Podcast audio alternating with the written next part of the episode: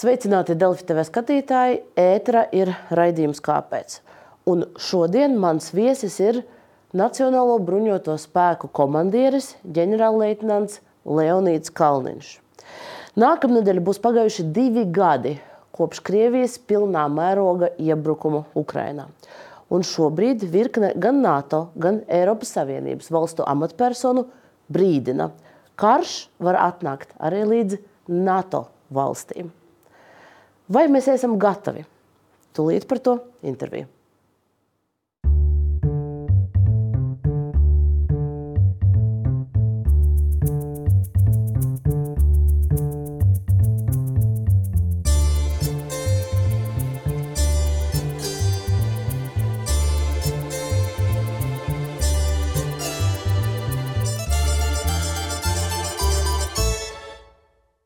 Kalniņkungs, esiet sveicināts Delfi TV. Sveicināti, mans gods būt šeit.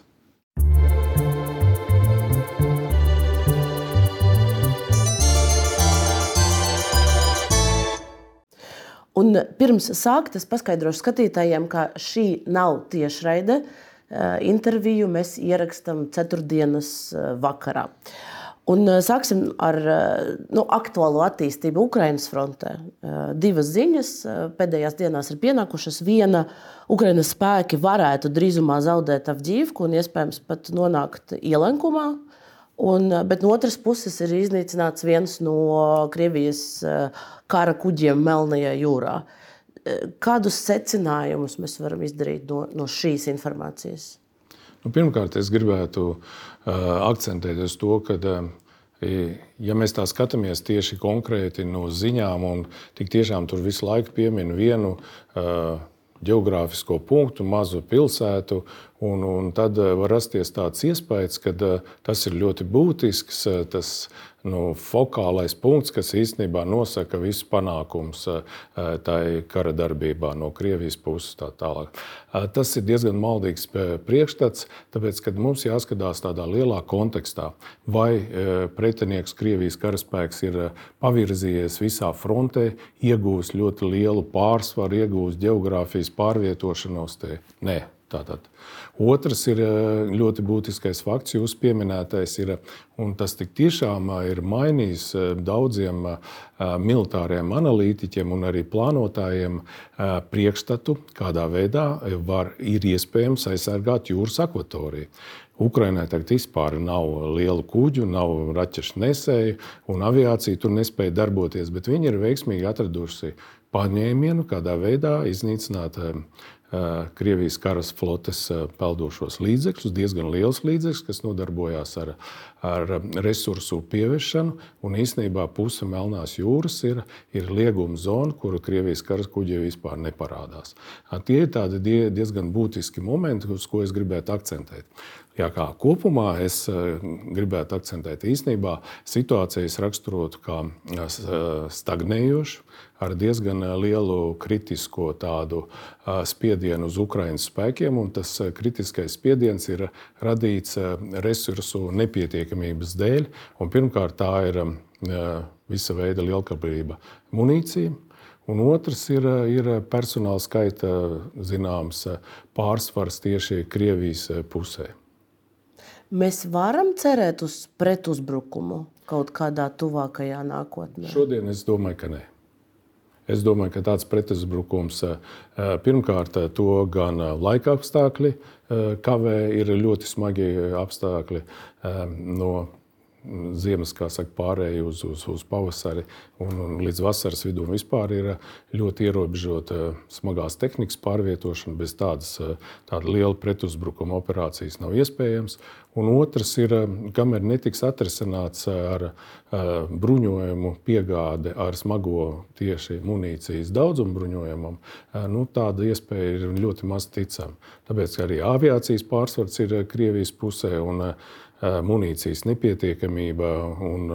Tagad fronte zināmā mērā turās uz Ukraiņu karavīru pašaizliedzīgu tādu kara darbības vešanu taktiskajā līmenī.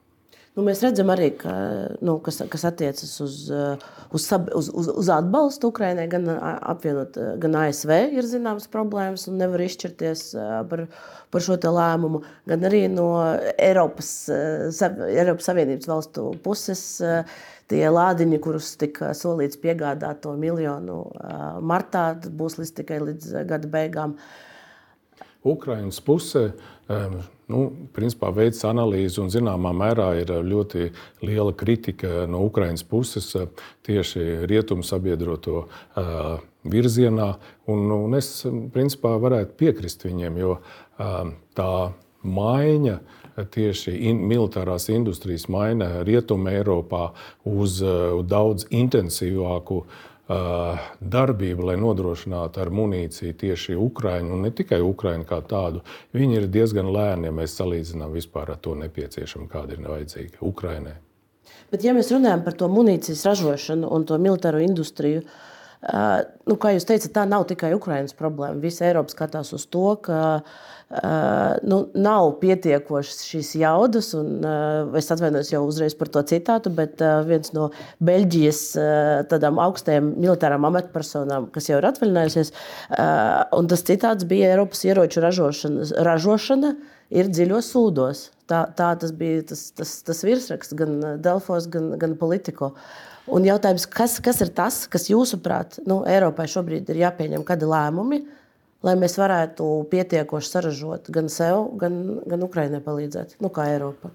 Lēmumi ir, ir pieņemti gan Eiropas Savienības līmenī, gan arī NATO ir mudinājusi uh, industriju un, un Eiropas uh, valstis uh, daudz ātrāk, bet, diemžēl, tā izpilde ir ļoti lēna.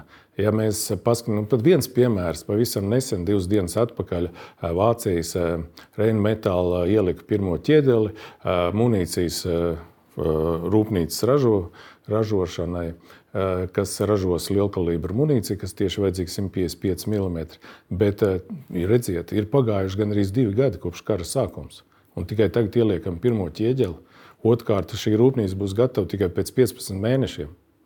Tas nozīmē, ka īsnībā tas lēmumu pieņemšana rietumu valstīs ir ļoti lēna bijusi un virzība. Mēs, mēs tomēr diezgan lielā mērā esam iestrēguši tādās birokrātiskajās, acīm redzot, sarunas.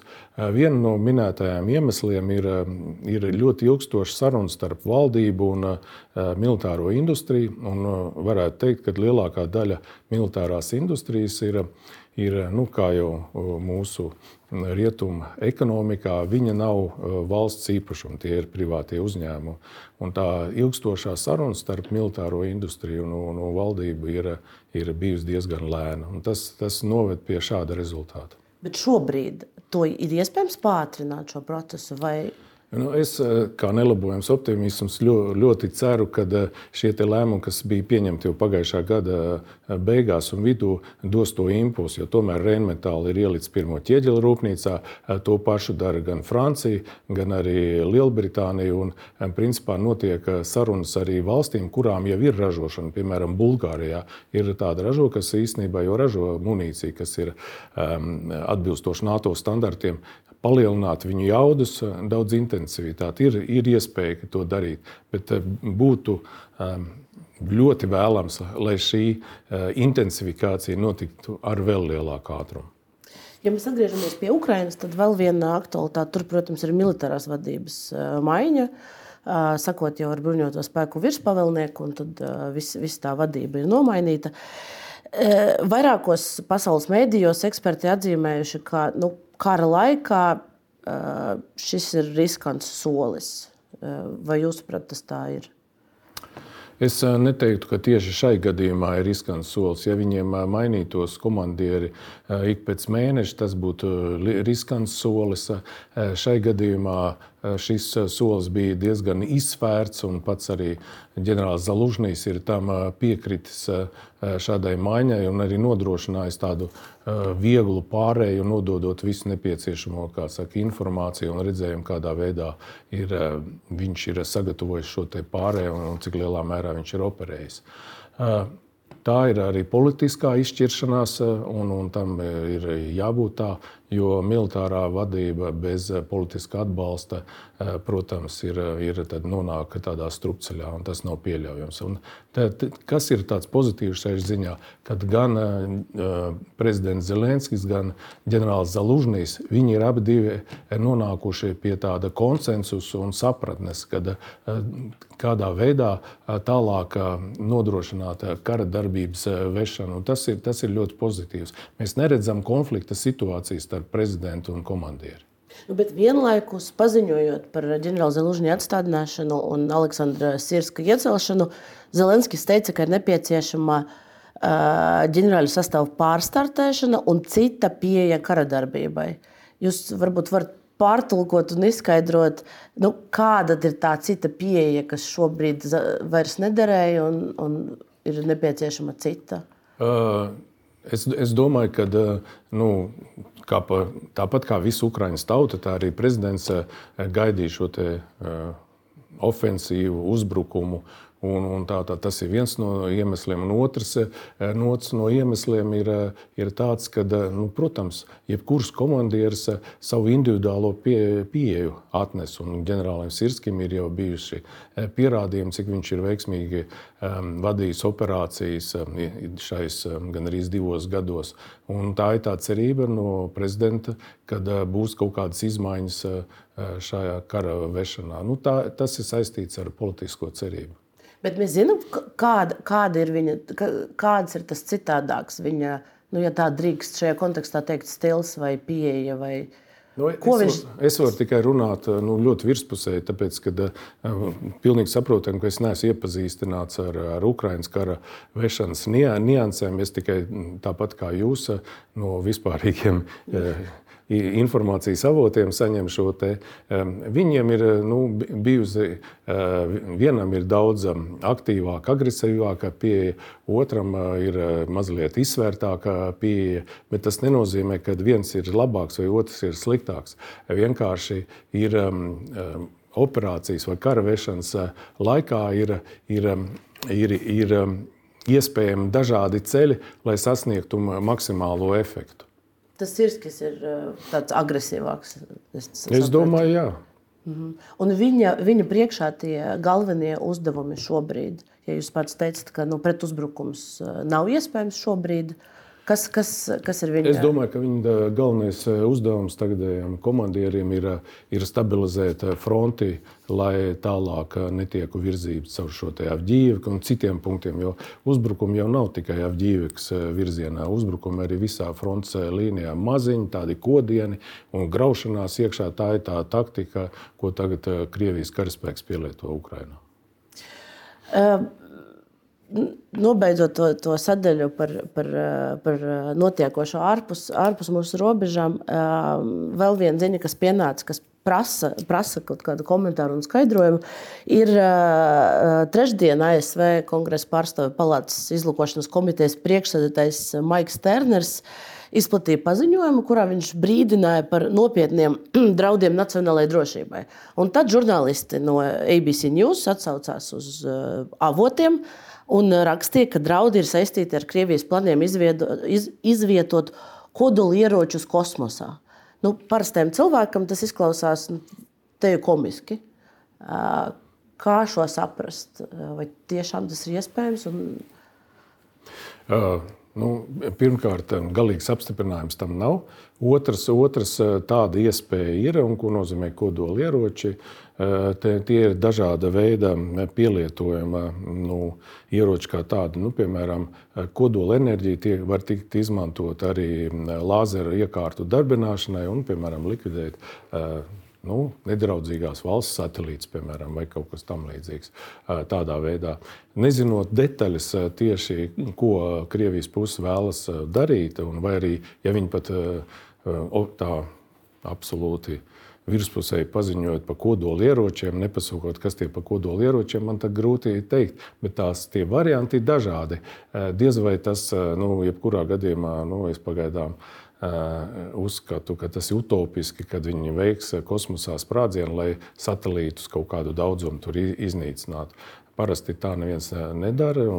Nav, pareizāk sakot, nav neviens tādā veidā plānojis kaut ko tamlīdzīgu darīt. Es domāju, ka tie ir specifiski vēl prototypa līmenī izstrādājumi, un vai tik tiešām kaut kas tamlīdzīgs tiks izvietots kosmosā, nu, mums vajadzētu mazliet pagaidīt.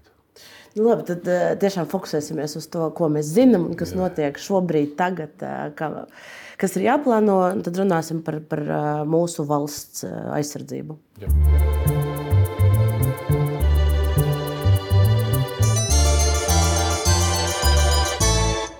Sākot šo tematu, es gribēju apspriest nesenos jūsu izteikumus, kuri nu, izraisījuši tādu pretrunīgu teiksim, tā reakciju Latvijas, Latvijas sabiedrībā. Un, ja mēs paskatāmies uh, uz to, ko saka citi NATO valstu līderi, citi Eiropas Savienības valstu dažādas amatpersonas attiecībā uz Krievijas draudiem un to, cik realistiski ir, ka mēs saskarsimies ar Krievijas agresiju pret NATO, tad nu, te ir vesela rinda ar, ar, ar dažādiem izteikumiem. Es nocitēšu daudzus, mm. lai kontrastētu. Piemēram, NATO militārās komitejas vadītājs Robs Bauers saka, bīstamākā pasaule ir šobrīd ir pēdējo gadu desmitu laikā. Rumānijas bruņoto spēku vadītājs. Esmu pārliecināts, ka Putina rīcība eskalēsies, eskalēsies tuvākā nākotnē. Um, Vācijas armijas amatpersona. Vācijas bruņotajiem spēkiem būtu jābūt gataviem karam pēc pieciem gadiem. Vācijas aizsardzības ministrs Putins varētu iebrukt NATO desmit gadu laikā. Zviedrijas civilās aizsardzības ministrs varam Zviedrijā ieraudzīt karu. Tad arī Igaunijas ārējas izlūkošanas dienas, un nevis amatpersonas paziņojums vai politiķa, nu, bet jau uh, ziņojums, analīze. Krievija gatavojas militāram konfliktam ar rietumu valstīm tuvāko desmit gadu laiku un tā tālāk. Un tad citāts no jūsu intervijas aģentūrai Leta ir, ka patiesība situācija nav draudīgāka kā pirms desmit gadiem. Un te nesaskana. Es pieturos arī to, ko es teicu, un neatsakos no šiem vārdiem. Tāpēc, kad, uh, Jūsu pieminētie eh, personas, nu, tur visas ir jāsadala. Un tur, principā, var sareizināt vēl ar desmit eh, to jūsu pieminētos, kas eh, tagad īstenībā rietuma pasaulē, rietuma presē izskan, un tur ASV ir ļoti daudz, kas kaut ko ir teikuši. Es Delfijas skatītājiem vienkārši gribu izskaidrot manu pieeju, manu redzējumu. Daļa no šiem eh, izteicieniem ir eh, nacionāli politiski balstīti. Tātad viņi ir nu, seko tādiem mērķiem, kas īstenībā ir aktuāli tai momentā, konkrētai valstī vai arī konkrētai sabiedrībai, kuru priekšā viņi uzstājās. Nākošais, pat ja to saka militāri personas vai arī izlūkdienesta vadītāji, tad manā viedoklī ir, ir nepieciešams argumenti, kāpēc tad, nu, mēs to sakām. Uz šodienas dienu, jo es, un trešais, ko es gribu pateikt, uz šodienas dienu, es, jo es tur arī atbildu, kad es runāju par šodienas dienu, nevis par nākotni. Nu, es nezinu, kas notiks pēc desmit gadiem vai, vai, vai pēc pieciem gadiem. Ja? Mēs vienmēr Latvijā no 91. gada esam uzskatījuši, ka jābūt ļoti uzmanīgiem ar mūsu austrumu kaimiņu. Pēc tam pamazām tas eskalējās mūsu viedoklis, ka tas pārauga zināmā mērā un draudā. Un tagad mēs absolūti tagad runājam, ka tas ir drauds mūsu drošībai. Nekas nav mainījies kopš 2008. vai 2014. gada eh, tādā izskatā. Mēs skatāmies uz analīzi, cik lielā mērā daudzumā ir eh, tagad eh, koncentrēts karaspēka vienības, koncentrēti resursi blakus mūsu robežai un cik lielā mērā ir Krievija ir um, spējīga kaut ko tagad uh, darīt, lai apdraudētu Latviju. Kamēr Ukrainā notiek karš, Krievija ir aizņemta ar Ukraiņas karu un viņi nav spējīgi kaut ko citādā veidā uz jebkuru NATO valsti iespaidot. Tālāk beigsies karš Ukraiņas tad mēs arī skatīsimies, kāda būs politiskā situācija, ar kādu rezultātu beigsies šis karš. Vai tas eh, būs piemēram ar, ar apkaunojošu zaudējumu Krievijas pusē, vai tas eh, taisnība otrādi būs eh, ieguvums no Krievijas puses. Un tad mēs sākam Tad mēs arī skatāmies, cik lielā mērā ir šis termiņš ir pareizs. Varbūt tie būs 5 gadi, varbūt tie būs 10, varbūt tie būs 50 gadi. Tāpēc es savos izteicienos nekad nepielietoju šo te, uh, gadu skaitu, kad Krievija būs gatava, lai uzbruktu uz Latvijai, jo man interesē tieši Latvijas aizsardzība kā tāda. Es joprojām vienmēr esmu pateicis, Krievija ir draudz Latvijai, un mēs viņu uzmanām jau, jau no Latvijas neatkarības atgūšanas, un nemitīgi mēs darbojamies, lai Latvija tiktu nosargāta. Tas ir mans galvenais mērķis. Tagad uh, informēt Latvijas sabiedrību, vai arī iztirzāt izteicienus, ko teikuši citās valstīs. Nu, tas nav nu, teiksim, atklāti zem manas goda, lai es to tur darītu. Visu.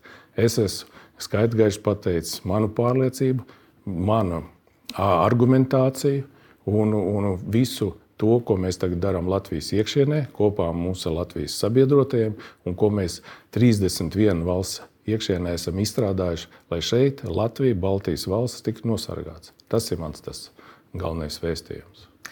Igauniem ir cita pieeja, jo mēs skatāmies uh, Igaunijas spēku komandieri Martins Herams. Uh, nu, viņš uh, saka, ka uh, tas nenotiks šodien vai rīt, bet pat viena gada vai sešu mēnešu laikā viņi, domājams, Krievija, eh, varētu mums nodarīt kaut ko ļoti šausmīgu. Eh, viņi izvēlās kā, vairāk mobilizēt to tautu caur, caur šo draudu tādu aktualizēšanu. Uzliksim uz svaru kausiem. Ko nozīmē mobilizēt tautu?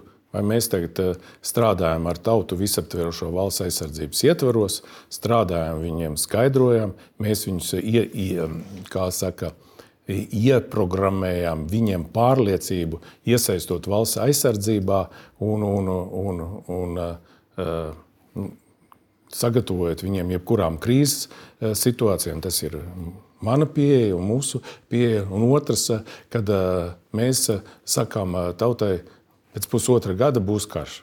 Nu, kāpēc viņš pēc pusotra būs karš? Nu, jā, provokācijas Krievija var jau šodien izdarīt. Nu, provokācijas, jebkuras provokācijas. Nu, varam mēs arī uh, uzskatīt to, ka ir nemitīgi kiberuzbrukumi sistēmām, kas ir uh, Ik, ik katru stundu, ik katru dienu šeit Latvijā notiek. Nu, tās arī ir provokācijas. Varbūt arī kaut kas dramatiskāks. Nu, tas nav izslēgts. Ja? Bet, bet es negribu akcentēt un kaut kādu baidīt Latvijas sabiedrību, kad ar šādiem izteicieniem man ir cita pieeja. Ģenerālim Helēram ir cita pieeja. Ar to mēs abi atšķiramies. Uh, tur gan nav tikai teoretiskas nu, prognozes un pieeja, uh, Jo tagad pēdējā informācija, piemēram, Igaunija uzskata, ka jau tagad Krievija jau veic izmēģinājumus, kā, nu, ko tad varētu darīt. Un Bloomberg raksta, ka Krievija visticamāk ir saistīta ar pieaugušo satelītu signālu traucēšanas uh, gadījumu skaitu, uh, ko izmanto nu, to, tādu signālu, ko izmanto tieši aviokompānijas, vietu tālruņu un ieroču sistēmas. Un tas pats Herms saka, ka tā iespējams ir Maskava, kas to dara. Un šādā veidā tā iespējams izmēģina tehnoloģijas, gatavojoties konfliktam ar NATO. Viņš, un te ir citāds, es domāju, ka viņi mācās un pārbauda. Viņš saka, jūs Piekrītat viņam? Piekrītu. Ja? Es piekrītu, ka nu, nevar teikt, ka pēdējā laikā Krievija to dara. Krievija to dara diezgan ilgstoši, un, un tas ir iesācies vismaz 20, 30 gadu atpakaļ. Viņi ir ļoti spēcīgi elektroniskajā karadarbībā, un ne, nevajag novērtēt pa zemu Krievijas spējas zinātnes jomā. Jebkurā gadījumā viņi to dara. Bet, es atkal tos akcentus uzliktu citādāk. Viņi to dara, tāpat kā arī mēs, rietumi, izmēģinām un visu kaut ko darām un gatavojamies šādām lietām. Tas nu, neapstiprina to faktu, ko mēs tikko iepriekš runājām, ka tas ir tieši specifiski, jo pēc pusotra gada viņi uzbruks. Ja mēs runājam par šiem signāliem un to signālu slāpēšanu, ko mēs darām ar šo informāciju? Mēs eh, analizējam, mēs eh, uzreiz eh, sagatavojam savus pretreakcijas plānus, mēs nodrošinām, mums šī ir ļoti svarīga informācija, tikko mēs iegūstam kaut ko tādu. Bet vienmēr šī informācija ir nu, zināmā mērā strīdīga. Vai tiešām ir šāds signāls slāpēšanas nu, fakts ir bijis, vai tas ir, ir izraisījis, piemēram, sprādziens uz saules aktivitātes dēļ, vai arī tas ir bijis signāls uz tieši specifiski radītas tehnoloģijas dēļ. Nu, sapratu, tur Kaliningradā viņiem ir, ir tehnoloģijas šim, šim, šim domāts. Tur ir izvietotas elektroniskās kara darbības vienība Kaliningradā ar specifiskiem līdzekļiem. Un, uh, mēs arī esam to fiksējuši ne tikai tagad, bet arī fiksējuši viņu vingrinājumu laikā uh, dažādas uh, šīs iekārtu darbības, kas radīja traucējumus mūsu mobilajā tī, telefonu tīklā, piemēram, ir bijuši. Mm.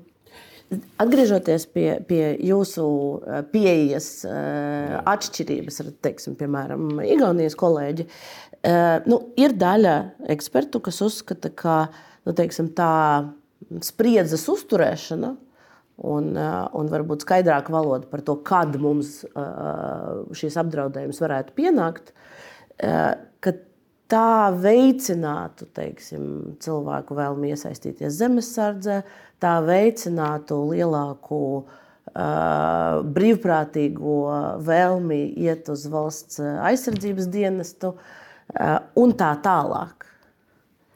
Uh. Zināmā mērā tam varētu piekrist, bet līdz zināmam līmenim tas ir. Ja šāda spriedzi jūs uzturēsiet ļoti ilgstoši, jūs eh, dabūsiet atgriezeniski negatīvu šo reakciju. Eh, pozitīvs piemērs ir karš eh, Ukrajinā, kad iesākās 22. gada 24. februārī. Milzīgs pieplūdums bija zemesardzē. Un tad viņš sasniedz kaut kādu līmeni, viņš apstājās.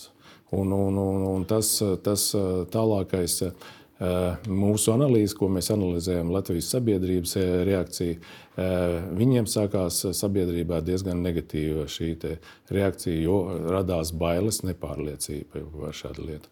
Un es negribētu būt tie, kad ar nepārbaudītu informāciju, varbūt neargumentētiem faktiem, ja, ka mēs veicinātu šo uztraukumu Latvijas sabiedrībā. Mums ir vajadzīgs iedrošināt Latvijas sabiedrību, dodot viņiem vairāk informācijas, kā tu sevi sagatavot, nu, ko tu tagad darīsi, lai aizstāvētu savu ģimeni. Tā, tas ir tas, tas mūsu mūsu mērķis, eh, lai nu, palīdzētu eh, pozitīvā noskaņojuma radīšana sabiedrībā. Un, ja mēs ejam uz, uz šo jau praktisko pusi, tad es gribētu sakt ar valsts aizsardzības dienestu. Trešais, trešajam iesaukumam šobrīd gatavojoties. Daļa jau tika ies, iesaukta obligātā kārtā, jo brīvprātīgi nesanāca aizpildīt mm. visu, visu tās, tās brīvās vietas. Vai šobrīd ir informācija par to, nu, kā tas pavestis tika uztverts? Tur jūs jau saņemat kaut kādus zvanus, uztraukumus, vēl kaut ko Vai, ne, vai, nē, vai nē, un visi priecīgi. Ziniet, tas ir tikai sākuma etaps. 300 pavēstas, nu, pareizāk 300 bija atlasīti, pavēstas ir izsūtīta. Ļoti mazai daļai nācās publicēt Latvijas vēstnesī. Un, tā reakcija, nu, man grūti pateikt, jo redziet, mēs tagad esam bruņoties spēki nodalīti no šī procesa. Tā, tas ir atsevišķs departaments aizsardzības ministrijas iekšienē. Viņi, protams, zināmā mērā informē eh, mūs par rezultātiem, bet tā kā nav uzsākusies vēl šī medicīniskā komisija, kur uzsāksies tagad eh, februāra beigās, eh, kad atnāks tie pavēstu saka, saņēmēji uz, uz, uz, uz turpinājumu, tad vairāk informācijas domāju, ka arī jūs eh, saņemsiet. Bet tagad ir tikai tas iesākuma process, lai mēs varētu saņemt 19. jūlijā karavīrus jaunos un mēs varētu tālāk darboties. Ar brīvprātīgiem, kas eh, ir pieteikušies, viņi jau ir, ir saka, procesu gan pabeiguši gan medicīnisko, gan eh, pārējie, kas nepieciešams pārbaudīt, viņi gaida savu to došanos uz vienību. Eh, viena no ziņām, kas, kas pienāk no, no, no, no, no to, to jauniešu ģimenēm, kas ir saņēmuši šīs pavestas, ir, ka saņēmuši arī 18 gadnieki, kuri vēl joprojām mācās vispār, vispār izglītojošās iestādēs, izglītības iestādēs, un viņiem uh, atlases procedūra notiks paralēli vidusskolas noslēguma eksāmeniem. Bet, uh... Likumā ir skaidri gaiši pateikts, ka uh, Latvijas pilsoniem ir tiesības atlikt dienestu līdz 26 gadu vecumam. Latvijas pilsonim ir tas, kas saņems pavēles, pavēst, ja viņam ir kaut kādi jautājumi, viņš dodas uz šo departamentu un iesaukšanas komisija izklāsta visus lietas. Ja tas traucē viņu dzīvi, tas ir. Tas ir pilnīgi normāli un saprotami. Jebkurā gadījumā vajag komunicēt ar departamentu, un tur ir ļoti zinošie cilvēki, vienmēr nāks pretī. Jo arī tā atlase, jūs jau varbūt atcerieties, 22,000 vairāk, paņēma tikai 3,000. Tāpēc, ka tie pārējie visi bija mācījās kaut kur vai arī bija uh, iestājušies uh, iekšlietu ministrijas dienestā, kas nav pakļauti vai ne, un tā tālāk. Viss tas ir iespējams. Pirms, kad, kad bija vēl diskusijas, kā valsts aizsardzības dienas izskatīsies, kā tajā iesaugs, kādu skaitu un tā tālāk, es dzirdēju potenciālā iesaucamā vienu viedokli, kur viņš teica, ka galvenais ir tā, ka tā tikšana dienestā nebūtu izņēmums.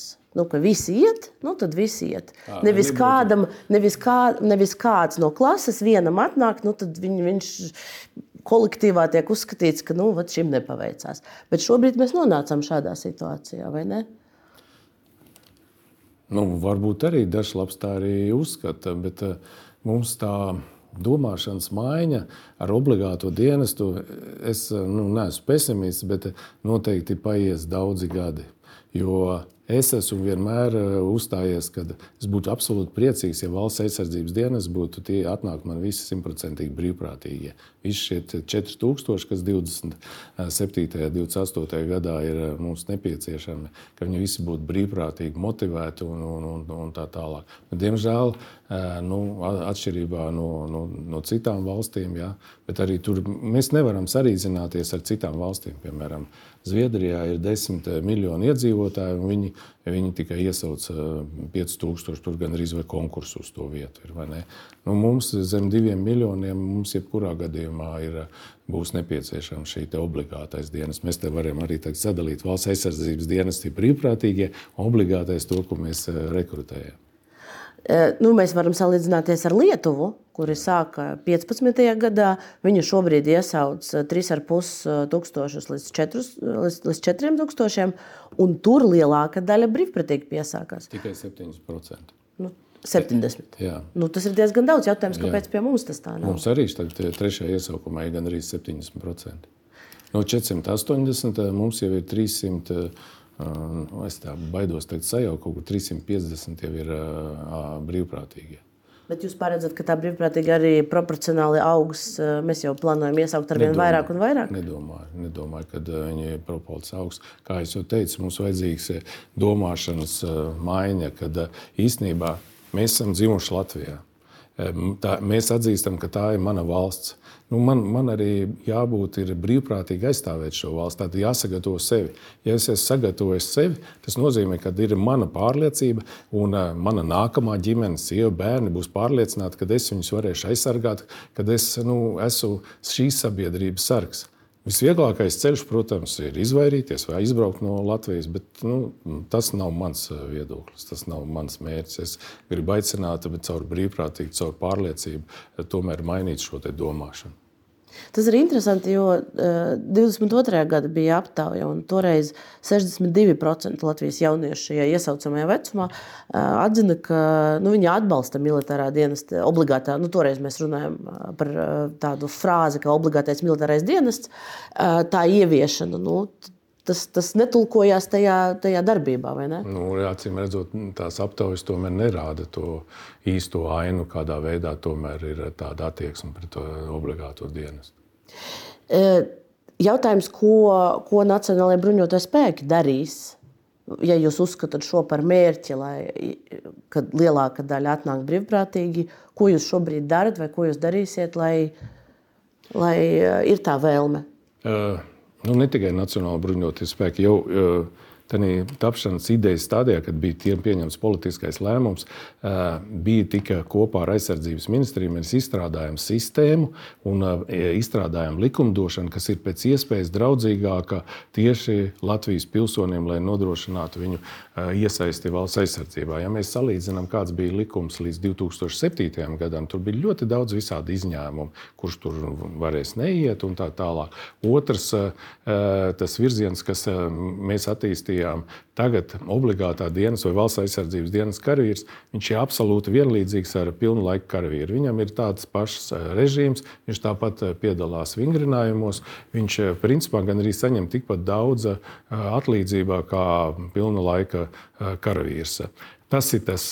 Nākošais, protams, mēs turpinām savu informatīvo kampaņu, kuru mēs Nu, principā rādām, kad ir iesaistīta valsts aizsardzības dienas, tā ir trijos virzienos. Tie ir 11 mēneši, tie ir 5 gadi zemesardzē, vai arī universitātēs, augstākās izglītībās, kur tu sagatavo principā, rezerves virsnieku. Tas ir, tas ir virziens, kur principā, var iesaistīties. Un caur informatīvo kampaņu, tur blakus, protams, rekrutēšanai gan zemesardzē, gan pilnlaika karavīriem, mēs arī šādā veidā nodrošinām to informāciju. Bet tai domāšanai nu, pašam pilsonim, ģimenei ir jāmaina viedoklis. Vai jūs mainījāt viedokli? Jo Nemainīju. jūs jau. Es Jūs, nemainīju savu viedokli. jūs Es bijāt- vienmēr esmu teicis, ka brīvprātīgais Latvijas pilsoņu iesaiste, nu, tas brīvprātīgais status vai brīvprātīgā tā ideja iesaistīties Latvijas valsts aizsardzībā ir visideālākā manā izpratnē. Cilvēks ir motivēts, viņš ir atnācis, viņš zina, ko dara. Ar to daudz vieglāk ir strādāt nekā tas, kas ir atnācis eh, piespiedu kārtā. Un te mums rāda, rodās tas vislielākais izaicinājums, kas ir nepieciešams bruņotajiem spēkiem. Mums tagad, atšķirībā no nu, pilna laika karavīriem, ar ko mēs strādājam, mēs tādus pašus paņemam no ielas. Ja? Mums ir tagad īpaši jāsagatavo instruktoru sastāvs, virsnieku sastāvs. Mums daudz biežāk jā, jāmotivē psihologs strādāt ar, ar šiem obligātajiem. Mēs esam sagatavojuši un principā jau gadu, pusotru gadu mēs strādājam, lai tos, kas tagad tiks rek, iesaukti, nevis rekrutēti, iesaukti obligātajā dienestā, lai mēs pēc iespējas viņiem uh, ieintegrētu daudz tādā nu, maigākā veidā, lai viņiem nerastos nu, milzīgs stress un milzīga nepatika pret dienestu. Tas ir mūsu lielākais izaicinājums. Bet jums personīgi sanāk, ka jūs bijāt pret valsts uh, aizsardzības dienas tādā formā, kur iesauc uh, arī obligāti, bet tagad jums tas ir jāievieš. Man ir jāievieš. Bet, Ta- Tas, pret ko jūs bijat uh, oriģināli, vai ne? Tieši tā, es esmu arī tagad. Jo, ja mēs tagad paskatāmies, iedomājieties, ja tagad ir uh, 11 mēneši, un uz tiem atnāk man brīvprātīgi Latvijas pilsoņi, tad tas ir tikai cita veida līgums pēdējā, atšķirībā no 5 gadu līguma. Tāpēc jau es saku, es būtu priecīgs, kad būtu 4000 brīvprātīgie ie- ienāk eh, manā bruņotajos spēkos dienestā ar eh, 11 mēnešu līgumu. Div, divi atšķirīgi līgumi. Visi tie paši bruņotie spēki, tāda paša sagatavošanas, vispār nekādas atšķirības. Bet, ja nebūtu šīs nosacītās pātagas, eh, ka viņus varētu iesaukt tik un tā obligāti, un tad tie nosacījumi nebūtu tik izdevīgi, tur ir virkne priekšrocību, eh, kas, kas ir tiem, tiem kas eh, brīvprātīgi piesakās, tad, tad tie arī neatnāktu.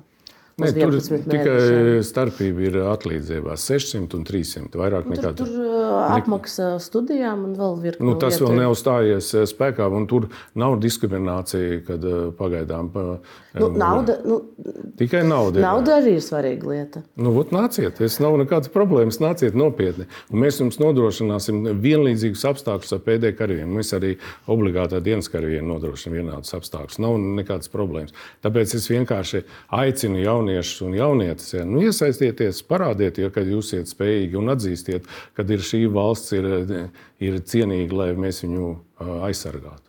Nu, te laikam vienkārši ir jājautā, vai jūs, jūs, jūs neuzskatāt, ka jums nebija taisnība tādā ziņā, ka, ja nebūtu šis obligātumā nu, nosacīti uh, motivators, lai, ne, lai nelietotu vārdu draudz, tad tie brīvprātīgie, kas šobrīd vadā, uh, piesakās brīvprātīgi, neatnāktu. Nē. Nu, nenāktu Es- skolēni, Nē, nē, nē, nē. skolēni pie jums tāpat. jums, ja viņiem neteiktu, tevi tik un tā iesaugs, bet naudas būs mazāk. À, jūs domājat tādā ziņā, ja? Nē, nē, nē es, es citādāk domāju, ka saistībā motivators, un tur gan man jāatzīst, ir, ir bijis tieši politiskais lēmums, kad jāatjauno obligātais dienas. Tas bija motivators. Nē, karš Ukrainā, nē, 600 eiro. Ja? Tas, tas, tas bija tas motivators visdrīzāk. Tāpēc, kad nu, īstenībā nu, brīvprātīgi jau varēja arī iestāties zemesardzē, jo zemesardzē tu iestājies tu vari pavadīt nu, to laiku. Divus gadus tu apgūsi aptuveni to pašu, ko valsts aizsardzības dienests. Nu, tad, tad tomēr bija vajadzīgs tas, kam, pret ko jūs bijāt sakotnēji. Nu, es es šeit gadījumā es atzīstu, ka uh, tas bija impulss, šeit, lai palielinātu skaitu, nu, kas vēlās iestāties brīvprātīgi tieši nu, bruņotajos spēkos. Es domāju, ka tas tā, bet tas absolūti nemaina manu viedokli, ka brīvprātības princips ir pats labākais princips. Eh, vai ir iespējams, ka tas, ka jūs konsekventi pret valsts obligāto dienestu izteicāties pirms tas tika ieviests un pirms bija šis politiskais lēmums, ka tas varēja ietekmēt to kopējo noskaņojumu? Ka, ka jūsu konsekventas pozīcijas dēļ nu, tagad jaunieši tā nevisai grib tomēr? Nē. Es arī gribu precizēt, eh, lai, lai saprastu, nu, ziniet, tā, tā, tas uzsvars uz to, ka es, eh, nu, es, arī, vien, es neatsakos no brīvprātības principa uzreiz, bet uh, vairākās tādās uzstāšanās ar bijušiem aizsardzības ministriem tas galvenais tas vēstījums bija politiskajam līmenim. Tā tad ir ideja atjaunot obligātu dienestu. Mēs, mēs sakām, nu, ok, tam, tam ir jābūt politiskajam lēmumam, bet, lai to realizētu, ir nepieciešams šitāds finansējums, ir nepieciešams šitāds, šāds laiks, lai to realizētu. Un man ir nepieciešams arī nu, cilvēku resursi, kas nodarbosies ar obligāto dienestu. Un tur parādījās summa. Uh, apmēram 600 līdz 800 eh, miljoniem eiro. Tur parādījās eh, četri gadi, eh, kamēr es sagatavoju instruktoru sastāvu. Tas nebija akceptēts. To neakceptēja ne politiskā nu, saka, vadība, kas atrodas eh, saimā, to neapstiprināja ne ministrs kabinets. Ja? Un akcentēja tikai uz vienu, ka Kalniņš ir pret. Jā, es esmu pret, tāpēc, ka es esmu par brīvprātīgu. Es nāc, neesmu nācis no zemesardzes un vienmēr teicu, ka brīvprātīgs princips ir labākais. Bet visi ir aizmirsuši to, ka neak neakceptēja. Rezultātā politiskais lēmums uh, tika pieņemts un, uh, un uh, daudzas lietas tagad viens ir spiesti tērēt tieši šīs nav lielo finansējumu, lai nodrošinātu normālus apstākļus. Jo pretējā gadījumā, ja mēs tagad nenodrošinām normālus apstākļus, sabiedrība pateiks, ka tas ir galīgi zaudēts laiks. Mums jānodrošina gan viņa apmācība, iespēja pilnā apjomā, tātad munīcija, ieroči un tā tālāk. Mums dzīvesveids, tātad ēdināšana, apģērbt, formas un tā tālāk. Mums vajadzētu to atcerēties. Un tas iesaucamo skaits tieši ir saistīts ar to, eh, cik, eh, cik cilvēkus eh, NBS var, var, var pieņemt. Tieši tā, Sākumā gandrīz 300, tagad 600, nākamgad 1000. Un tas viss ir saistīts. Mums jāuzbūvē ir kazarmas, kur viņi jābūt. Ir jābūt ēdnīcas, mums ir jābūt instruktoru sastāvs. Tāpēc mēs nevaram paziņot. Mēs šogad uzreiz 4000. Jā? Nu, tas ir galīgi voluntāri, tas nav pareizi. Es gribu pateikt, ka eh, Zviedrijā, nu, lai palielinātu no 5000 obligātā dienas līdz 8000, eh, viņi ieplānojuši 10 gadus. Vai pēc septiņiem gadiem mēs būsim tur, kur tagad ir Lietuva? Ar, ar tiem 300 tūkstošiem iesaucamā? Tas viss atkarīgs, cik iedzīvotāji būs Latvijā. Eh, Lietuvā ir 2,5 miljoni, mums Latvijā ir 1,8 miljoni. Kāds ir plāns uz 2026. gadu? Tagad ir. Mēs zinām, ka 25. gada aiznākamā gada, cik jūs gribat iesaukt? Tur ir 2000, Divi. jā, un tad ir 2800, un tad 27. un 28. gadā mēs jau nonākam pie 4000. Uh, Vēl viena ideja, kas skanēja sākumā, kad mēs runājam par, šo, par šī dienas ieviešanu, uh, un kas tā arī nekur tālāk netika, ir vai valsts aizsardzības dienests varētu būt obligāts arī sievietēm. Kāds ir jūsu viedoklis? Es uzskatu, kāpēc ne? Ja mēs esam vienlīdzīgi nācija, vienlīdzīgi mēs runājam, kāpēc ne? Tad jūs būtu gatavs to ieviest. Protams, mums jau tagad ir bruņotajos spēkos zemesardzēji 20%, un uh, regulārajās vienībās ir 17% sievietes. Ļoti labas, uh, kā karavīri, kā līderi, kā speciālisti. Mums ir 176 specialitātes. Un, un tur ir nu, plašas iespējas. Nevajag domāt, ka sievietes ir tās, nu, ka mēs visi karavīri esam nosmērēti ar aizsarga maskēšanas krēmu un skraidām tikai pa mežu. Mums ir augstas tehnoloģijas arī. Ir uh, analītiķi, kas skatoties no malas uz šo stāstu, uh, saka, ka nu, tomēr uh, armijai ir nepieciešams šis vidējais fiziskais spēks. Nav svarīgi, ka tur kāds ir spēcīgi, ir, ir tie ekstrēmi, bet tas vidējais un ka sievietes nu, nevelk fiziski tik ļoti. Nu, tomēr... Tā mēs gan nepiekrītu. Nepiekrīt. Man ir. Ir nu, daudz piemēru. Ir tāds tikpat liels kā es, un blakus sīka meitenīte, un vēl divus ieročus, un vēl mugursomu paņēmusi no, no tā lielā nilzirga. Sievietes ir daudz spēcīgākas, daudzreiz, daudzos gadījumos. Es tā nedomātu. Cita lieta. Mums, protams, patīk sievišķība. Mēs, protams, negribētu pārvērst saka, šo. Bet eh, tie piemēri, kas piemēram ir Norvēģijā, kur obligāti tiek iesauktas sievietes vai kaut kur citur, es eh, nu, neredzu problēmas, eh, kad viņas netiktu galā ar, tiem, ar tām prasībām, kas ir mums nepieciešams. Nu, tas, kas atliek, ir politiskais lēmums, vai ne? Protams, jā. Bet man absolūti es būtu ar mieru. Uh, ārpus uh, valsts aizsardzības dienesta, uh, profesionāla, profesionāla dienesta ir uh, vēl viena svarīga. Uh, Svarīgs pilārs aizsardzībai ir rezerve. Gan rezerves karavīri, gan rezervisti.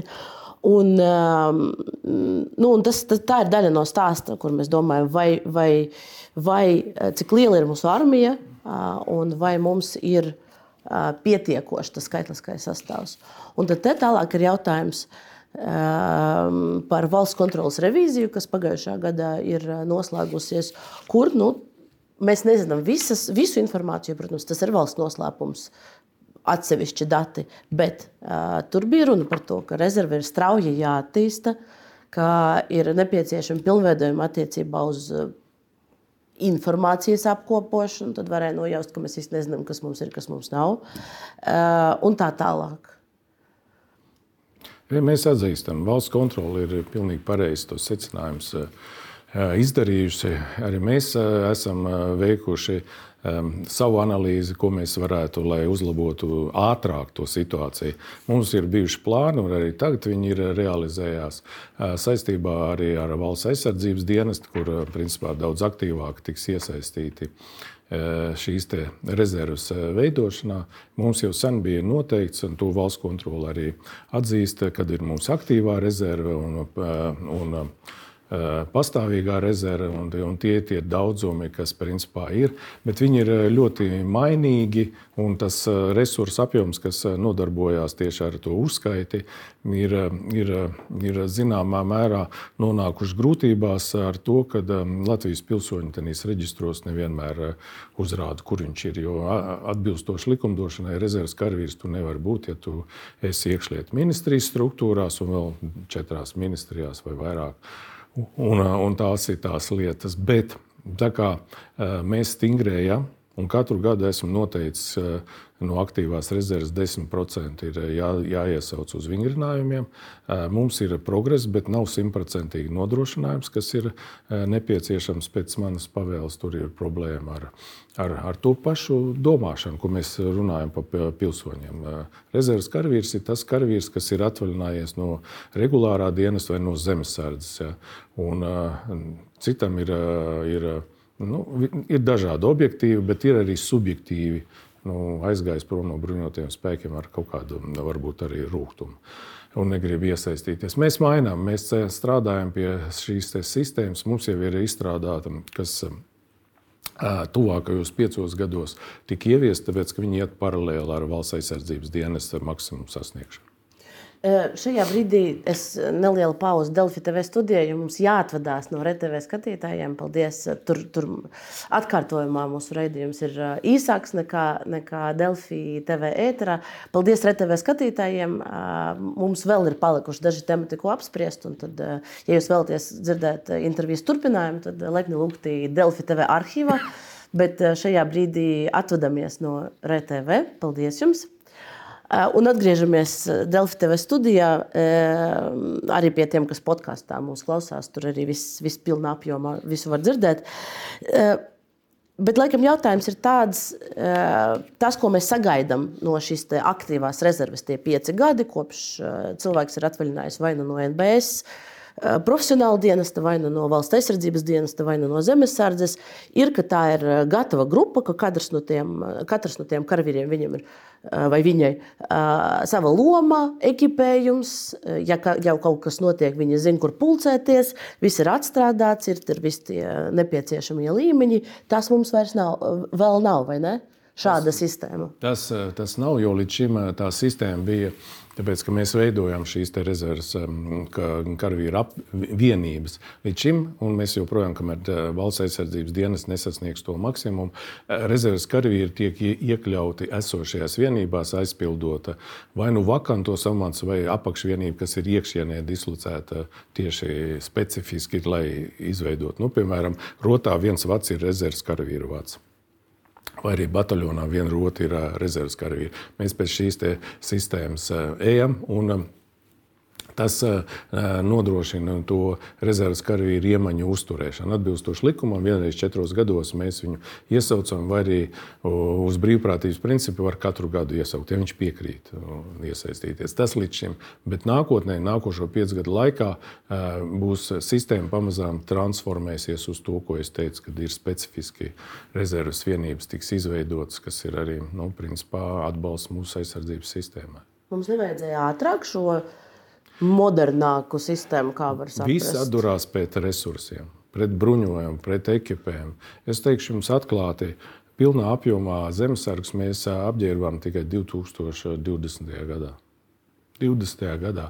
Un kā, un ko mēs varam runāt par 30 tūkstošiem rezerves karavīru, kuri mums jānodrošina pilnā apjomā. Gan ar ekipēm, gan ar ieročiem, gan ar munīciju. Pretējā gadījumā nu, tas nav rezerves karavīrs, kas viņam nav. Tāpēc nu, neviens negribēja mānīt. Es, piemēram, personīgi negribu nevienu mānīt. Mums ir aktīvā rezerve, ko mēs uzturam. Un, un tagad, atbilstoši valsts aizsardzības koncepcijai, ko noteikti jūs varat izlasīt, viņa atklāti tur ir ierakstīts ir konkrēti apjomi, kas ir mums jāsasniedz. Ja mēs runājam par tiem apjomiem, tad uh, miera laikā tas ir 31,000 uh, cilvēku, kur iekšā ir gan NBS uh, profesionālie karavīri, gan, gan valsts aizsardzības dienests, gan zemesardze. Uh, gan šī augstas gatavības rezerve. Un te ir jautājums par to, nu, ja mēs dažādos avotos mēģinām pameklēt, cik tad mums īstenībā ir, nu, tur pat tuvu nav tam 31 tūkstotim. Nē, viņš, viņš ir eh, diezgan tuvu tam 31 tūkstotim. Atklātos avotos jūs saņemsiet, tikko būs apstiprināts 12 gada NBS attīstības plāns. 25, 36 ministrs kabinetā viņš eh, tuvākajā vai nu šai mēnesī, vai nākošajā mēnesī tika iesniegts. Un, un tur tiešām būs redzams, ir atklāta jau šī informācija. Pirms šis eh, nav ministrs kabinetā akceptēts, apstiprināts, es nu, negribu šeit runāt par to. Ja mēs paskatāmies kaut vai zemesardzi. Desmit tūkstoši. Desmit tūkstoši. Nu, mēdījos nesen izskanēja nekā personīga raidījumā 9700. Bet... Nē, tur ir problēma. Redziet, zemesardzes, ja zemesardzes komandieris runā, vai arī nu, pārstāvs no zemesardzes tieši, viņš runā par to skaitu, kas viņa pakļautībā. Mums vēl zemesargi ir gaisa spēkos, militārajā policijā un mehanizētajā brigādē, kas ir zemesargi, bet nav, nav tiešā pakļautībā zemesardzes komandierim.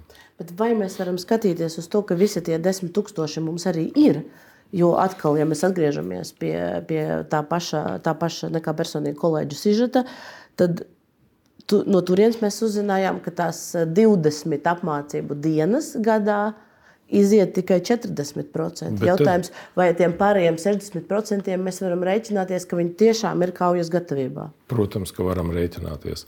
20 uh, dienas, ja viņš ir izgājis uh, pirmos divus, trīs gadus, izgājis uh, visu šo apmācību pilnu, tad vēl vienreiz 20 dienas viņam iziet. Nu, ja viņš strādā aktīvi kaut kur darbu, nu, tas nav jāspiež. Viņš ir, viņš ir spējīgs tās piecas vai septiņas dienas, kad notiek gada lielākais vingrinājums, namējs ierodās un atstrādā visas tās funkcijas, kas, kur viņš ir iemācīts. Kāpēc viņam vēl vienreiz 20 dienas mācīt? Mācīta eh, ložmetēji tur iemaņas tā tālāk. Nu, tas nav vajadzīgs.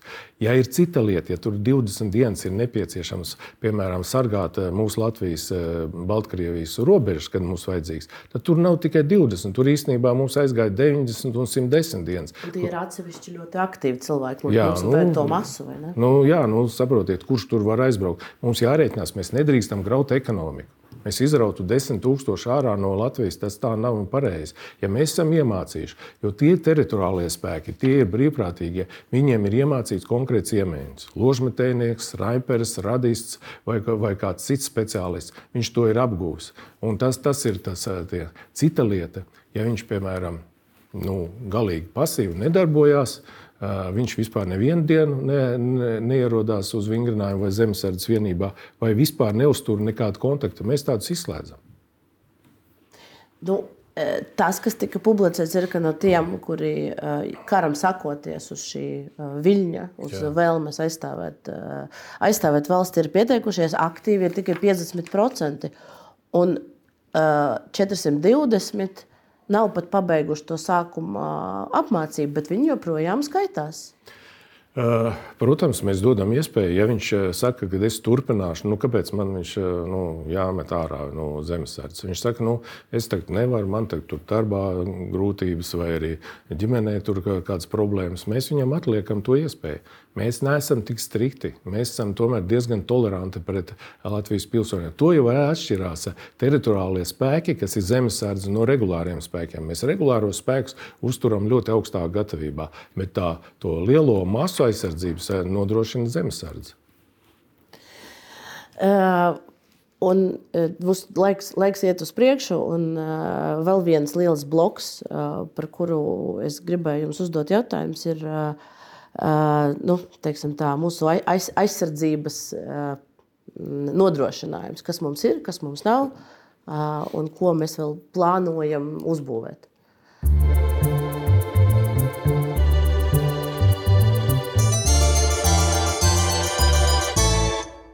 Es gribētu sakt, nospēlēt jums vienu fragment no jūsu intervijas Latvijas televīzijā, raidījumā šodienas jautājums pagājušā gada novembrī, kur tieši Runa bija par pretmobilitātes pasākumiem, proti, par sauszemes robežas aizsardzību. Bet ir kaut kas, ko varat arī ieskicēt, par kādiem robežas uzlabojumiem ir runa? Es uh, varu pateikt to, ka uh, mēs noteikti neaprobežosimies uh, tikai ar, ar nu, kaut kādu sētošu ķēršļu izvietošanu, vai par to, kas tika runāts par mīnu laukiem. Tas būs daudz dziļāks, plašāks eh, šīs projekts ar daudz eh, nu, milzīgāku iesaisti no bruņoto spēku puses eh, viņu realizācijā. Un to jau gan jau drīzumā jūs dzirdēsiet. Un tur šobrīd finansējums nepieciešamais ir. Tur šis finansējums, diemžēl, nav. Mums jāskatās no pašu rezervēm, kādā veidā mēs to izdarīsim e, nākošajā gadā, jo budžets jau ir principā jau gandrīz pieņemts. Te ir jārunā par 25. gadu. Tāpēc e, iesākuma periodā mēs veiksim to, ko mēs bijām ieplānojuši vēl 22. gadā, 23. gadā, lai tālāk attīstītu to plānu, kādā veidā mēs to esam ieplānojuši.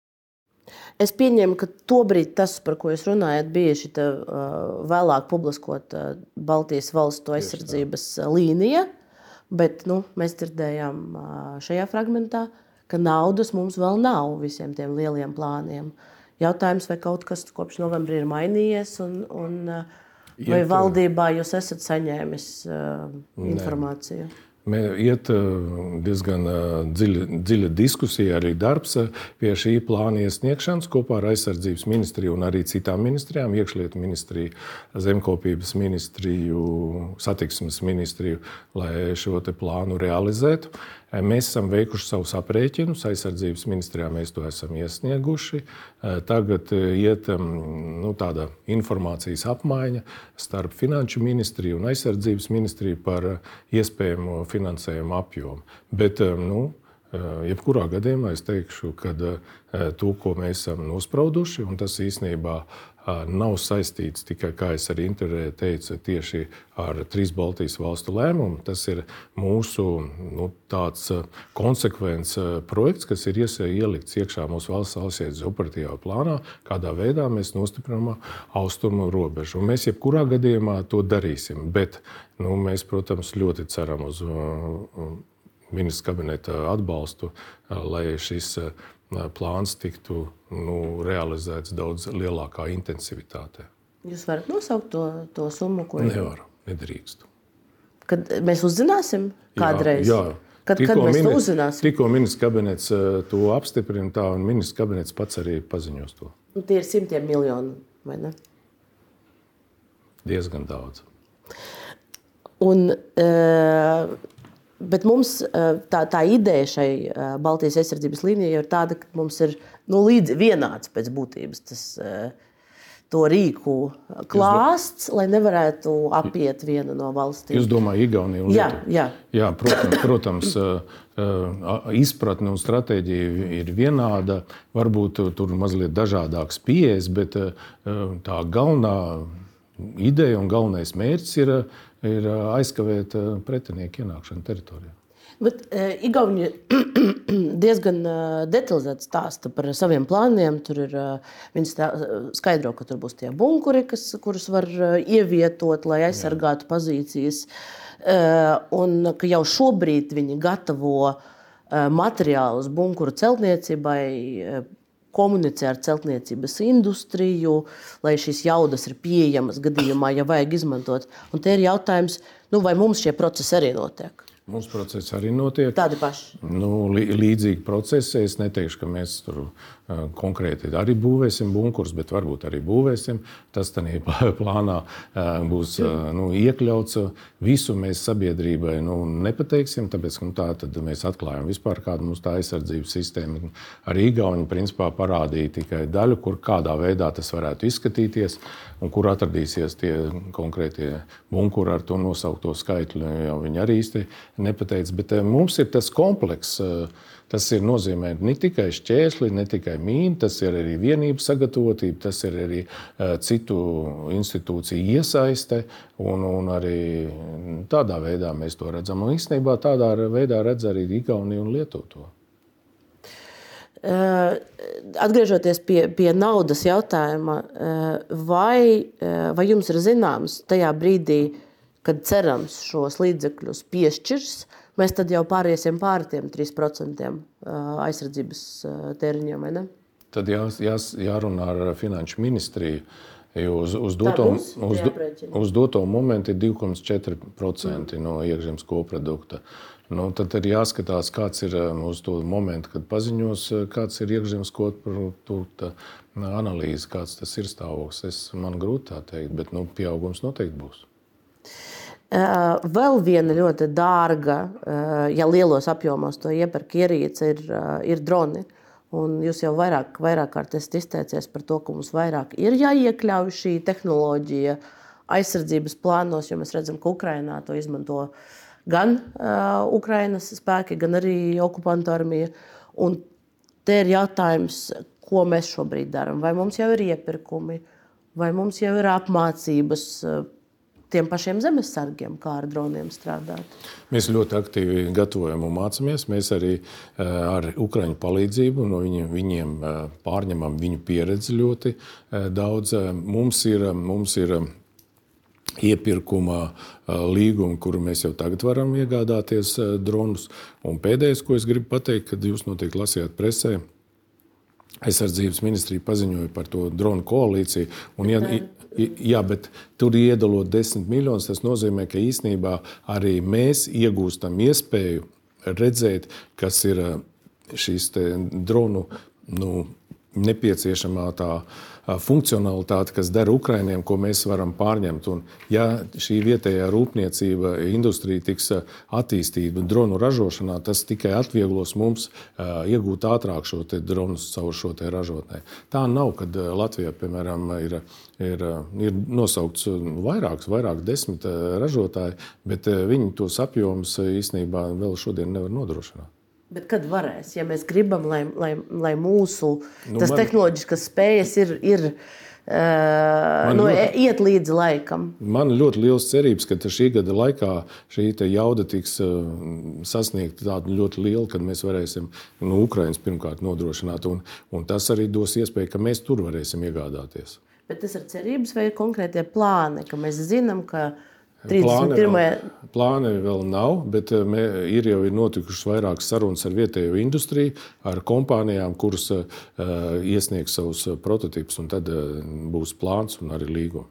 Un kad tas varētu būt? Nu, tad tas ir, ir nu, jāpagaida aizsardzības ministrijā, kad viņi to noslēgs. Jo bruņoties spēku līgums nu, neslēdz. Eh, bet kad varētu pienākt tas brīdis, kad eh, šī dronu lietošanas apmācība dažādos, mēs zinām, ka tur Viņu ir dažādi tie līmeņi, aizies līdz, eh, aizies līdz, nu, līdz, līdz, līdz kā, kā saka, piesacinājumam, tad apakšvienībās, vadu līmenī, rotu līmenī, zemesardze, lai visur viņi ir. Nu, pirmkārt, pingvīnu tipa šie Droni jau mums ir eh, jau vairākus gadus, un to ir jau ieviest mehanizētajā brigādē, mēs operējam. Tāpat mēs operējam ar ļoti daudz mazākiem, tā saucamiem mikro Nu, tas tā kā DJI lieluma šiem droniem. Cita lieta, kad viņi ir nepietiekamā daudzumā mums un ir un zemesardzē, pie, piemēram, daudz viņu vienkārši ar privātiem droniem atnāk uz vingrinājumiem. Mēs to arī atbalstam. Bet mūsu mērķis ir ieviest maksimāli daudz, lai tiktu nodrošināta visa nepieciešamā šie virzieni, kuros mēs attīstām. Tas ir mūsu mērķis. Un tāpēc mēs ļoti aktīvi strādājam ar vietējām kompānijām, lai pēc iespējas ātrāk no viņiem dabūtu prototypus un varētu šo strādāt. Nu, mēs negribam visu laiku atbalstīt Ķīnas ražotājus. Uh. Mēs, mēs neatpaliekam mazliet laikā, jo mēs jau redzam, ka visur ir. Mēs tikai gaidām vēl nē, tikai nav, prototipus. Nē, nav tā. Mūsu, mūsu rīcībā ir, bet uh, man jāatzīst, ka tie nav Latvijas raž, ražojuma droni. Un uh, to, ka uh, mēs neatpaliekam ne no Igauniem, ne no Lietuviešiem. Un, un es teikšu atklāti, ka arī ASV viņi arī pagājušā un šogadā viņi masveidā sāk to ieviest iekšā skatoties uz Ukraiņu pieredzi. Jo līdz šim droni bija bija specifiskās apakšvienībās. Un ar to arī nodarbojas. Tas vairāk saistīts ar izlūkošanu. Bija. Tagad eh, krasi pagriezās eh, drona izmantošana kā kinētiskais nu, ierocis, kas nogalina. Un, un otrs, ir, eh, otrs virziens, kas ļoti būtisks, ir pretdronu darbība kā tāda. Tā ir ļoti aktuāla un tik milzīgi aktuāla, ka pie tā strādā daudzas firmas un visvisādi piedāvājumi. Mums vienkārši vajag atrast to ideālāko variantu. Nu, gaidīsim tad ziņas par, par iepirkumiem. Laikam visu mēs neuzzināsim, tas ir, tas ir saprotams. Bet vēl viena ierīce, ja tā varētu pat iero, ieroču tips, kas pēdējos, pēdējos mēnešos jāsaka, ir daudz apspriest, ir kainieku mīnas. Jā. Un, nu, neskatoties uz NBS pozīciju, sabiedrībā joprojām turpinās diskusija, politiķi turpina diskutēt, vai mums ir jāizstājās no Otavas konvencijas. Uh, Eh, un eh, vai jūs pieļaujat, ka jūsu pozīcija varētu mainīties? Nē, nekādā gadījumā. Es negribu apdraudēt savus eh, karavīrus, savu, savus sabiedrotos šeit, un, protams, negribu apdraudēt civilos iedzīvotājus ar šīm neprogrammējamām, nevadāmām mīnām un viņu pielietošanu. Viņi nedod nekādu efektu. Jūsu rīcībā jau tagad ir programmējies, vadāmas mīnas, viņas ir arī attīstības plānos, palielināt viņu iepirkumu skaitu un tā tālāk. Nu, tas nav tas nu, virziens, kādā veidā mēs attīstīsim Latvijas aizsardzību. Nu, Kāpēc mēs tagad vispār miera laikā par to runājam? Mēs miera laikā nekādas mīnu laukus taču neuzbūvēsim. Neliksim mēs plānojam, mēs plānojam nē, kas būs. Nē, mēs ieplānojam, kur viņi būs, bet mēs mīnus nekādā gadījumā tagad neliksim, lai Latvijas sabiedrība to nomierinās. Ne, par, to, par to neviens arī nerunā. Mēs, mēs, es, es arī nejautāju jums Jā. par kaut kādu mīnēšanu mierlaika. Es prasu uh, par, par gatavošanos, par plāniem, Jā. lai mums viss ir uz papīra salikts. Tad, ja gadījumā kas, tad mēs esam gatavi. Un, un te es neatcaucos uz sabiedrības diskusiju kopumā. Mēs zinām arī, ka piemēram bijušais aizsardzības ministrijas valsts sekretārs Garisona kungs. Viņš gan publiski, gan arī sociālajos tīklos ir diezgan plaši izteicies par, par to, ka viņa prātā šīs nevadāmās kainieku mīnas ir nepieciešamas. Viņš minēja divus liekas, svarīgus argumentus. Viens, viņš minēja piemēru robežu vai, vai, vai to zonu starp Ziemeļkoreju un Dienvidkoreju, atcaucoties, ka tur cits risinājums nav atrasts labāks. Un, un otrs jautājums ir cena. Tas, tas, ko viņš publiski raksta, kas visiem pieejams ir sociālajos tīklos, ir, ka vadāmas kainieku mīnas ir ļoti dārgas. Un ka tās naudas, nu, mēs nezinām, ir mums vai nav, lai tādā pašā skaitā nodrošinātu. Uh, labi, iešu no pēdējā. Vai viņas ļoti dārgas vai nav dārgas, es diemžēl nevaru teikt, tāpēc ka mēs nezinām, cik maksā nevadāmā mīna, jo viņas tirgū nav, neviens viņas nepārdod. Uh, protams, ja mēs vispār tā paskatāmies, uh, nu, noteikti tās vadāmās būs dārgākas. Nu, tas, tas viennozīmīgi, tāpēc ka tur papildu elementi ir ielikt iekšā. Jā. Par Ziemeļkoreju kā tādu. Robeža ir nomīnēta ar mīnām, un tā, tā, tie mīnu lauki ir, ir aizsargāti arī tagad. Visu laiku viņus sargā tie mīnu lauki, kur vispār neviens nekustās pat, pat suņu. Tas nozīmē, ka viņiem nodrošināta uzraudzība tieši tāpat kā kara laikā tas ir nodrošināts. Un to mīnu novākšana Viņu, nu, protams, ka Dienvidkorejai viņiem ir, ir nu, zināms arguments, ka tas arī palīdz aizsargāt, bet arī mīņu novākšana nav iespējama tagad, kamēr netiek abas valsts apvienotas un tā tālāk. Tas vispār ir apdraudējums, lai kāds vispār kādam tur varētu novākt. Tā, tas, tas piemērs ir tāds slidens. Eh, bet eh, nu, es, protams, neminēju politiskos argumentus, tāpēc ka man nu, nav vajadzīgs minēt politiski argumenti, kāpēc mums eh, mīnas nevadāmās ir, ir absolūti nepieļaujams, lai Latvijā tik ieviests. Es no praktiskā viedokļa viņi neatrisina mūsu taktiskās spējas, neuzlabo. Viņi apdraud manus karavīrus. Un, un ieguvums ir, ir nu, absolūti minimāls, vēl jau vairāk. Trešais arguments, nu, man viņas nav ko ņemt. Un, ja mēs tikko sāksim šeit ražot, jā, mums tiks apstādināta jebkura cita piegāda materiāla. To jūs noskaidrojat un droši zinat, ka tas tā būs. Jā, pret mums būs sankcijas. Nu, nu, ne, nu, AS, nu, kā, ne, pret citām valstīm, vai, vai Dienvidkoreja ir, ir, ir zem sankcijām dēļ tā, ka viņi izmanto šīs nu, Tas mīnas. ir īpašs status Dienvidkorejā ar ASV.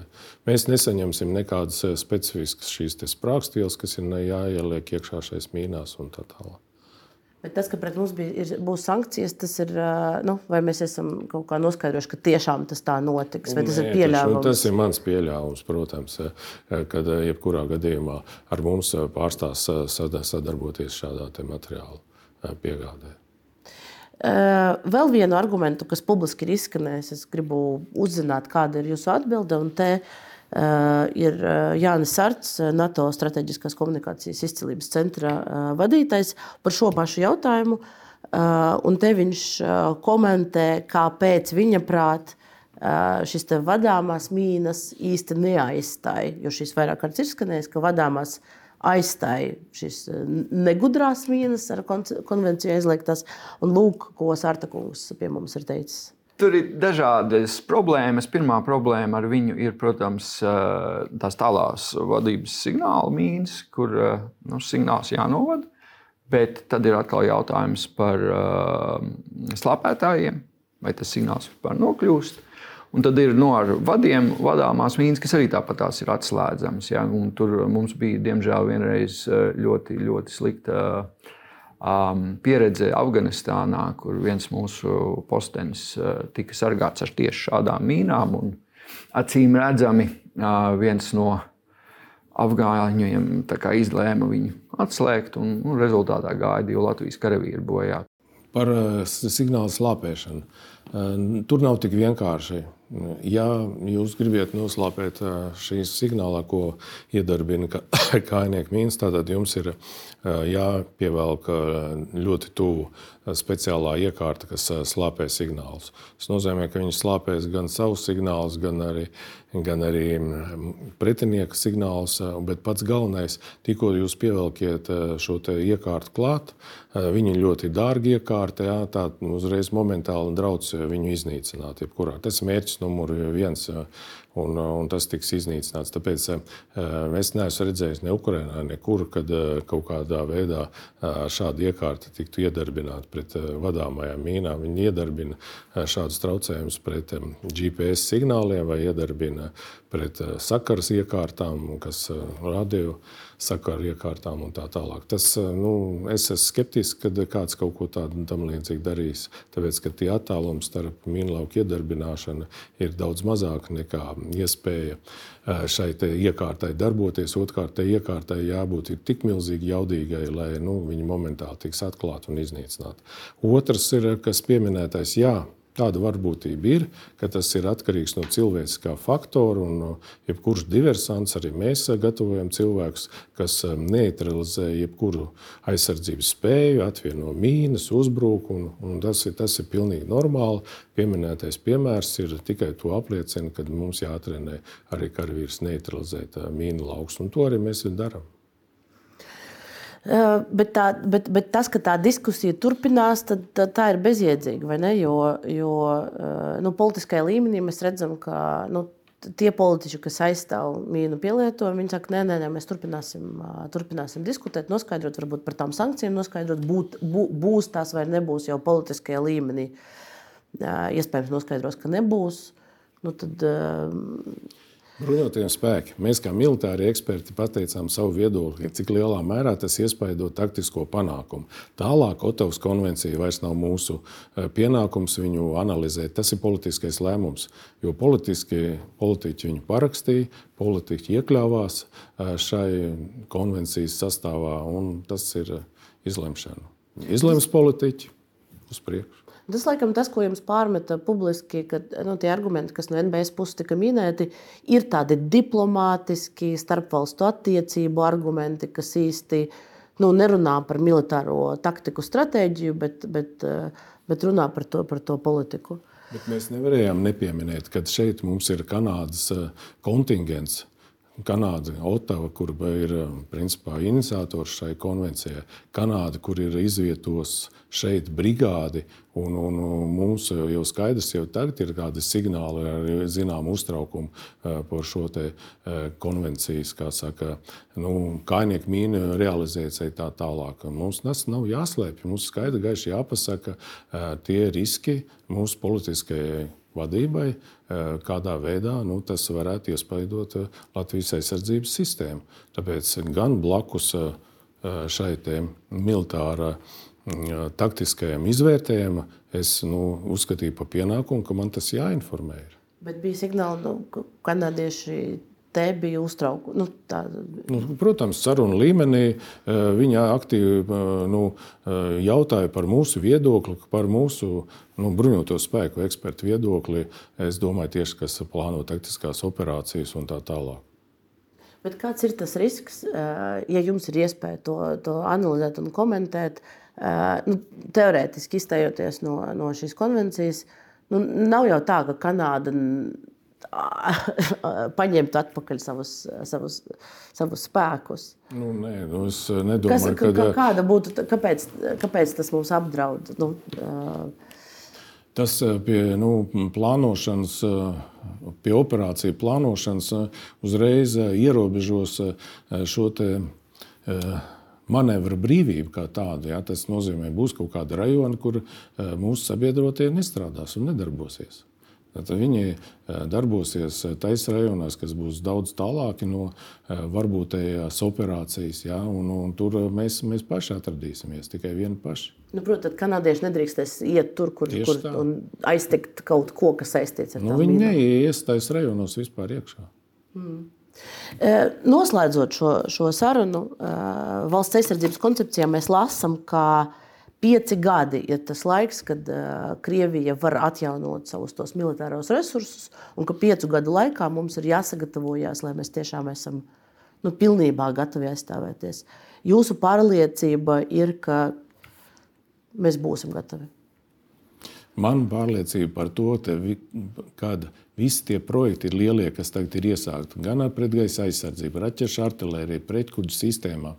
Un tagad mēs aktīvi strādājām pie kainieku kaujas mašīnu iegāde priekš mehanizētās brigādes, tas būs tas arguments, kas dos daudz lielāku pārliecību, ka mēs būsim daudz efektīvāki Latvijas aizsardzībā. Es nekādā gadījumā negribu teikt, ka mēs tagad neesam gatavi. Mēs esam gatavi Latvijai aizsardzēt, bet mums ir jāseko līdzi tai attīstībai, kas notiek gan Ukrainā, un it sevišķi, kas tagad notiek Krievijā. Mums intensīvi jāveido sava aizsardzības jauda. Uh, nu, uz šīs nots mēs arī, mēs arī noslēgsim šo interviju. Paldies jums uh, par, par viesošanos Delfi TV studijā uh, un, un par atbildēšanu uz visiem mūsu jautājumiem. Skatītājiem es arī pasaku paldies. Mēs atvadamies, mēs tiekamies pēc nedēļas, kur mēs runāsim par, par to, ka nu, ir divi gadi, būs gandrīz pagājuši kopš Krievijas pilnā mēroga iebrukuma Ukrainā. Analizēsim to un cerēsim un gaidīsim Ukrainas uzvaru.